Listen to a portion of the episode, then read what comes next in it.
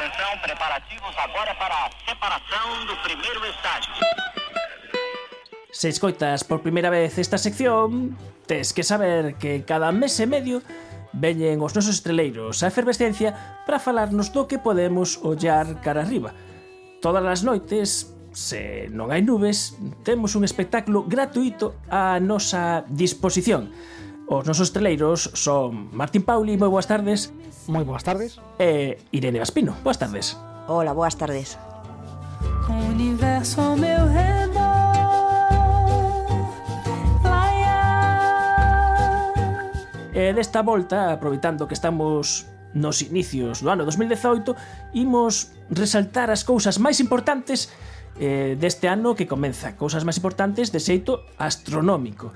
E se temos que poñer un protagonista para este ano, o protagonista vai ser o planeta vermello, Marte. Pois en efecto, o planeta vermello, Marte, vai ser o gran protagonista de 2018 porque unha vez máis eh, volve a pasar pola oposición. As oposicións eh, son os momentos máis óptimos para a observación dos planetas, o momento no que están en liña eh, coa Terra e co Sol pero coa Terra no medio, así que están especialmente cerca de nós, eh, ou estar diametralmente opostos do Sol, pois vémolos toda a noite, eh, desde que se pouco Sol ata que, ata que sai polas mañas, co cal é un momento realmente máis esplendoroso para velos. Mm, no caso de Marte, as oposicións suceden cada máis ou menos dous anos, eh, co cal pois, un pode pensar houve unha posición no ano 2016 se vai a ver máis nos anos vindeiros que ten esta de especial. Pois o que ten de especial é que é, digamos, a mellor oposición en bastantes anos, dende dende alá polo ano 2003 non tiñamos unha oposición tan óptima como esta que teremos en, en 2018, en xullo de 2018 imos ter Marte a apenas 58 millóns de kilómetros, o cal vai significar que vai ser un obxecto especialmente brillante nas, nas noites de verán, máis brillante incluso que o planeta Xúpiter, que soe será o, o posto número 2, a medalla de prata no, no, no podio estelar de brillos. Non? Entón, esta vai ser eh, a oportunidade para ver Marte en todo o seu esplendor. Isto quere dicir que vai estar máis preto da Terra, polo lado bo, eh, se, por exemplo, nos fósemos a NASA, eh, isto sería unha cousa interesante para nós. Pois é unha boa nova porque realmente nos facilita as viaxes, non? É o momento máis práctico para viaxar a un planeta, dende logo que cando ese planeta se está chegando a nós eh, pola súa propia movimento orbital, non? Eh, eh, e así no caso de Marte. Este ano, por exemplo, hai unha misión importante, unha das misións importantes este ano astronómicas da astronáuticas da NASA é a misión InSight, que é unha sonda unha, que se vai lanzar ao espazo pois aí polo mes de, de maio coa idea de que pouse no Planeta Vermello pois eh, cara a finais de novembro máis ou menos, non? E Insight é unha misión que vai a explorar sobre todo como é Marte por dentro, non? E o aparello principal é un sismógrafo e realmente os objetivos de Insight é analizar, estudar cal é a actividade interna do planeta. E, de feito, esta misión íase lanzar xa hai dous anos. Eh, hai dous anos, por problemas co instrumento principal, co sismógrafo, tivo que adiarse a operación e, efectivamente, adiouse eh, ata o seguinte momento óptimo, a seguinte mellor ventana de lanzamento que esta, esta nova posición que imos ter este ano. Non? Marte, protagonista do ano 2018, xunto con Galiza poderemos ver sí. un eclipse de lúa. Eu creo que vai ser o máis destacado para, para este ano. Non? Estes últimos meses temos moi fresco que están falando moito de superlúas, lúas vermellas, lúas azuis, pero todo eso non deixan de ser fenómenos máis ben mediáticos, máis que astronómicos. Non? Como fenómeno astronómico en sí, pois é moi espectacular, ademais, é unha, unha eclipse de lúa. Este ano pois teremos oportunidade de disfrutar aquí desde a nosa latitude dunha, dunha eclipse fase de lúa o 27 de xullo, coincidindo ademais, como ben acaba de contarnos Martin, con, con Marte en oposición. Eh, a lúa sairá polo horizonte sobre, sobre as 10 da noite, máis ou menos. Aquí en, en Galicia empezaremos a, a, a vela, pois eso, sobre esa hora, porque recordemos que os eclipses de lúa son con lúa en lúa chea e a temos a vista toda a noite, desde que empeza a facerse de noite, bueno, sobre as 10 e pico máis ou menos sairá polo polo horizonte e vai sair xa eclipsada. Prácticamente, ademais, xa casi chegando á totalidade do eclipse, co cal, bueno, o que poderemos ver moi ben é a totalidade e a segunda parte do, do eclipse, ese momento no que a sombra da Terra vai desaparecendo da, da Lúa vaina descubrindo de novo, non? Entón, bueno, pois aínda teremos espectáculo durante pois probablemente dúas horas, case hasta as 12 da noite ou por aí hasta que remate a eclipse. Bueno, estas son as dúas cousiñas eh, máis importantes de 2018 e logo iremos cada poucas semanas destacando o que se pode ollar para CEO en sí. cada momento. Bueno, sabemos que cada mes temos eh, algunha novidade ou chuvias de estrelas e iremos comentando aquelas que cadren con, con lúa nova e mellores condiciones para observar e demais. E quen queira saber que CEO podemos ter en inverno, isto é unha cousa cíclica o que ten astronomía, pero para os que se vayan van incorporando eh, eh, a esta sección eh, que poden escoitar no podcast unha, ah. dúas cousas, ideas importantes para CEO de inverno. Home, se teñen que ser só unhas pinceladas, eu penso que, que poderíamos centrarnos eh, bueno, nunha constelación da que sempre falamos por estas datas eh, e eh, que, bueno, pois domina fundamentalmente os ceos do inverno. É a constelación de Orión, mirando cara ao horizonte sur, está culminando no horizonte sur a medianoite, aí entre os 20 e os 50 grados, e Orión é o rei das noites do, de inverno, non? E como deberes, pois poderíamos poñer o buscar non? O, o hexágono do inverno. Non? Igual que falamos do triángulo de verán, pois no inverno ás veces falase do hexágono do inverno, eh, serían seis estrelas de seis constelacións diferentes que serían pois das que máis brillan cando miramos cara, cara ao sur. Entón, estas seis estrelas, imos facer un repasiño, serían Aldebarán na constelación de Tauro, Capela na constelación do Cocheiro, Pollux que está a carón de, de Castor na constelación de, de Xéminis, Proción no Can Menor, Sirio no Can Maior e Rigel en Orión. Entón, lembremos que sempre mirando cara ao sur, neste caso, iránse movendo ao longo da noite de sur-leste a suroeste, pero sempre no horizonte sur. As noites de, de inverno, lembremos que, bueno, pois sí, son, son noites frías, pero se pillamos unha noite despexada, pois son, son noites dunha gran calidade, moi nítidas.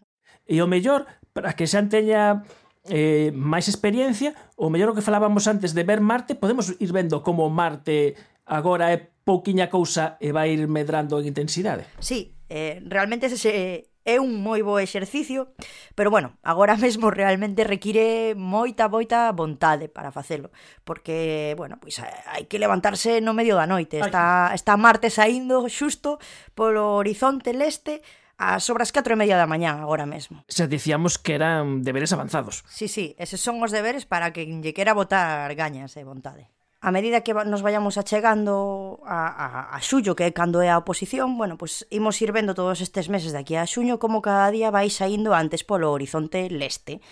Eh, por exemplo, eso, se si agora mesmo dicimos que, que está saindo sobre as 4 e media, pois o mes que ven, pois eres a ira sobre as 3 e media, eh, o seguinte 2 e media, bueno, e así sucesivamente, non? Eh, lembremos que, como dixo antes Martin, cando está en oposición xusto, pois o temos toda a noite visible, co cal, pois en xullo xa mm, sairá a primeira hora da noite polo horizonte leste. Agora mesmo está saindo, a, como dicíamos, ás 4 e media, na constelación de Libra, cun brillo de magnitude 1,3, que non é moito, non? Lembramos que isto xa o falamos aquí moitas veces que as magnitudes eh, canto máis positivas máis débiles son e eh, canto máis negativas, canto máis baixas é que máis brilla o obxecto, non? Por exemplo, bueno, pois o, o Sol sería un menos 26 nesta escala de magnitudes, non? Para que nos fagamos unha idea. Eh, bueno, pois o 27 de xullo, o día do, da oposición de Marte, verémoslo sair polo horizonte leste na constelación de Capricornio e brillando con magnitude menos 2,8, co cal, bueno, pois entre 1,3 que está agora e menos 2,8 que estará en xullo, pois é unha boa diferencia co que estaría ben pois facerlle un seguimento. Do. Eh, podemos aproveitar nesta guía do ceo para dar un par de novas de cultura astronómica, eh, novas eh, que veñen da man da, da Unión Internacional de, de Astronomía e unha delas ten que ver coa comunidade xorda.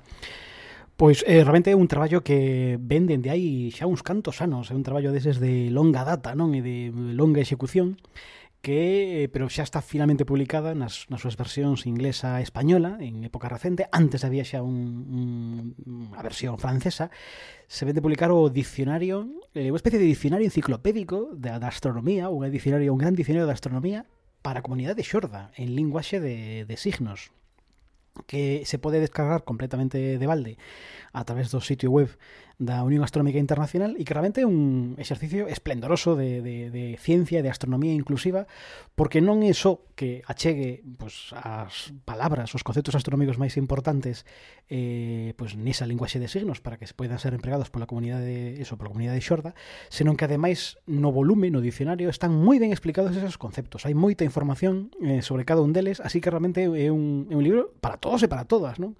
tamén as persoas que, que podemos oír, non? Podemos valernos dese volume como unha maneira de achegarnos a, a moitos conceptos astronómicos e volume para aprendermos todos realmente. E nese sentido é un exercicio magnífico de, de demostrar que a astronomía, desde logo, é unha ciencia que non coñece fronteiras e barreras para ninguén, non?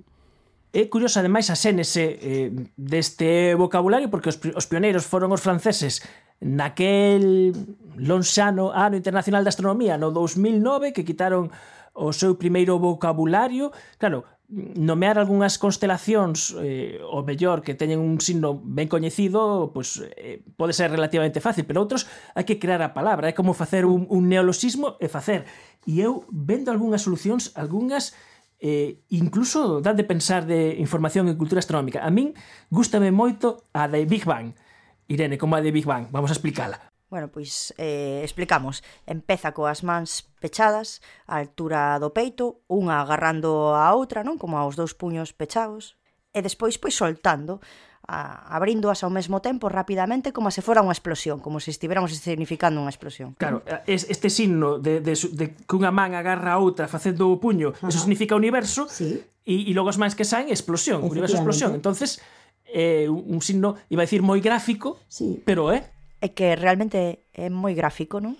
E ademais, bueno, se, se, se o vemos no libro, non? Non solamente está ben a, a, a expresión en sí, senón a explicación do concepto científico que está pois moi moi chulo. E, a min me gusta tamén o de ciencia. Ciencia, sí. Esta non, non a coñecía eu, non? É porque se facía así, non? É, é coas dúas mans no, no peito, non? Bueno, debaixo do peito, como agarrando as costelas cada unha dun lado e como se abrísemos aí a caja torácica. E a explicación, bueno, pois é que a forma, pois eh, antiguamente, non, de achegarse os rapaces á ciencia un pouco, pois era a través eh, dos, dos libros de ciencia, non? E os debuxos que neles viñan do interior, que explicaban a parte interna do, do organismo. A caixa torácica. Da, da caixa torácica, sí, efectivamente. E por eso aparecen como as dúas mans, cada unha dun lado, non? Abrindo como para ensinar dentro. A min outra que me gustou moito eh, foi como chegaron a, a poñer en linguaxe de signos a, a palabra quasar. Que é un quasar? Pois un quasar é unha fonte de radio cuasi estelar. Porque pensábase que eran estrelas, pero non son estrelas. É cando un burato negro empeza a absorber todo uh -huh. e empeza a emitir un montonazo de radiación, pero o tamaño pode ser como unha estrela, pero emite tanto como unha galaxia. Efectivamente. E de feito, eh, un dos eh, sordos que participaron eh, en Francia eh, neste no primeiro dicionario, cando explicaron o que era, el o signaba do seguinte xeito. Eu observo unha pequena fonte brillante no ceo Abroa para ver o seu interior, asómbrome o ver a área central dunha galaxia encerrada neste espacio cunha enerxía considerable. E, simplificando, para dicir quasar, pois xuntaron os signos de igual, máis galaxia, máis enerxía, máis potente. Todo unha lección de astronomía, Martín. En efecto, un traballo que no, no volume francés foi unha obra colectiva, aí son varios autores, e que aquí nesta traducción española, pois eh, traballo eh, de Amelia Ortiz Gil, Beatriz García e Dominique Proust, eh, E realmente insisto, eu creo que yo temos que recomendar a todos os ouvintes eh, porque porque a información e as explicacións que dan dos conceptos e a forma pues, realmente moi visual e moi gráfica de, de definilos a través da linguaxe de signos axuda realmente a, a interiorizar mellor moitos deles, non? É un volume realmente para todos que que está ben, a máis, nas redes sociais do, de Efervescencia podemos sí, sí. poñer o link para que a xente o descargue canto antes. Non? Eh, Estame dando ideas para a noite efervescente. Xa temos tamén a, a comunidade cega que falamos hai unhas semanas, a comunidade sorda, a mellor a seguinte noite efervescente podemos facer algo interesante. Sí, é que na un, Unión Astronómica Internacional teñen unha comisión de proxectos de astronomía para igualdade e a inclusión, co cal, pois, bueno, está xenial, porque ademais teñen un montón de, de materiais e fan un montón de cousas. Votaremos man desto na noite ferocente e quédanos por comentar unha última nova. A Unión Astronómica Internacional nos últimos anos está ah, facendo ou, ou establecendo as denominacións oficiais das estrelas porque os nomes das estrelas, pues, moitos que citamos mesmo hoxe, por exemplo, os nomes das, das estrelas da constelación de Orión, levanse empregando de forma tradicional pois moitos séculos eh, mais non tiña unha, unha especie como de certificación oficial. E igual que nos anos 20 a UAI pois se plantexou poñerlle marcos e fronteiras ben definidas para as constelacións agora está facendo tamén un catálogo de nomes de estrelas para decir, bueno, pois efectivamente estas estrelas van a ter como nome oficial estes, algúns deles xa ben coñecidos de todos pois sexa Deneb, ou sexa Sirio, ou sexa Rigel, Mais, sobre todo, nesta, neste último ano 2017, o catálogo de nomes de estrelas que xa leva 300 e pico incorporaron varias dúcias de nomes nas que están introducindo eh, nomes procedentes de outras culturas e de outras tradicións astronómicas. Se habitualmente os principais fontes para a denominación estelar viñan, eran pois, a cultura latina ou grega, as mitoloxías latina e grega e a cultura árabe, agora a Unión Astronómica Internacional está facendo un traballo moi activo para incorporar Mm, denominacións que veñen doutras tradicións culturais, da tradición chinesa, das tradicións africanas, dos aborixes australianos, por exemplo. E está moi ben, porque realmente nos demostran primeiro que as o recoñecemento do CEO é algo común a toda a humanidade dende que a humanidade existe pero que ademais eh, as fronteiras son máis ou menos arbitrarias e o nome das cousas que lle poñemos non son únicos, senón que en cada momento, en cada lugar, cada povo lle deu nomes diferentes ás cousas. E está ben que eso integremos eh, e, e compartamos e fagamos de todo.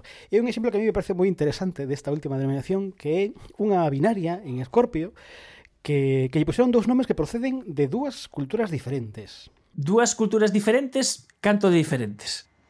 pois, pois eh, moi diferentes no, no, no tempo e no espazo eh, porque unha delas é unha das palabras é Xamidimura.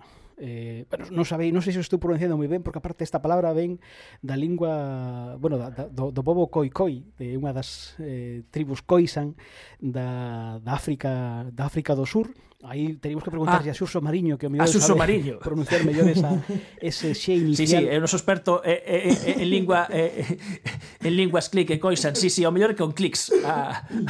É, é moi probable, é moi probable que ese xe inicial sexa con clic, pero eu non me atrevo a pronunciar eses mm. clics.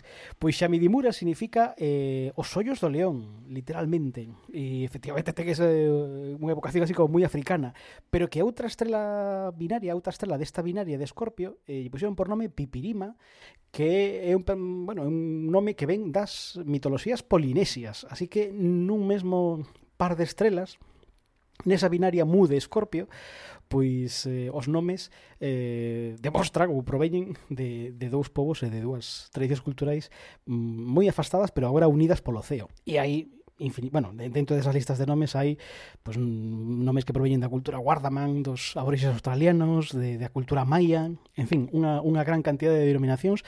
O mellor algún día hai que propoñer a aí algún nome estelar que nos veña en galego, que nos veña de, de, de, de justamente de Galiza, non? As estrelas do leite para a constelación de Orión creo que xa non imos chegar porque xa está eh, designado o cinto de Orión cos nomes tradicionais de Alnitam, Alnilam, Alnitam e Mintaka, Mais o mellor podemos inventar algún ou propoñer algunha outra cousa. Eu creo que está faltando xa unha estrela Rosalía, dende logo, non? Ou un planeta Rosalía. Planeta Rosalía, eso haberá que darlle unha voltiña porque nos podemos iniciar ese lobby, ese grupo de, de presión mediática. Os CEOs, patrimonio da humanidade, da humanidade entendida como unha mistura fermosísima de culturas e de tradicións tamén. Así foi a nosa guía do CEO co Martín Pauli, moi boas tardes. Moi boa tarde. E co Irene Maspino. Hasta logo, boa tarde.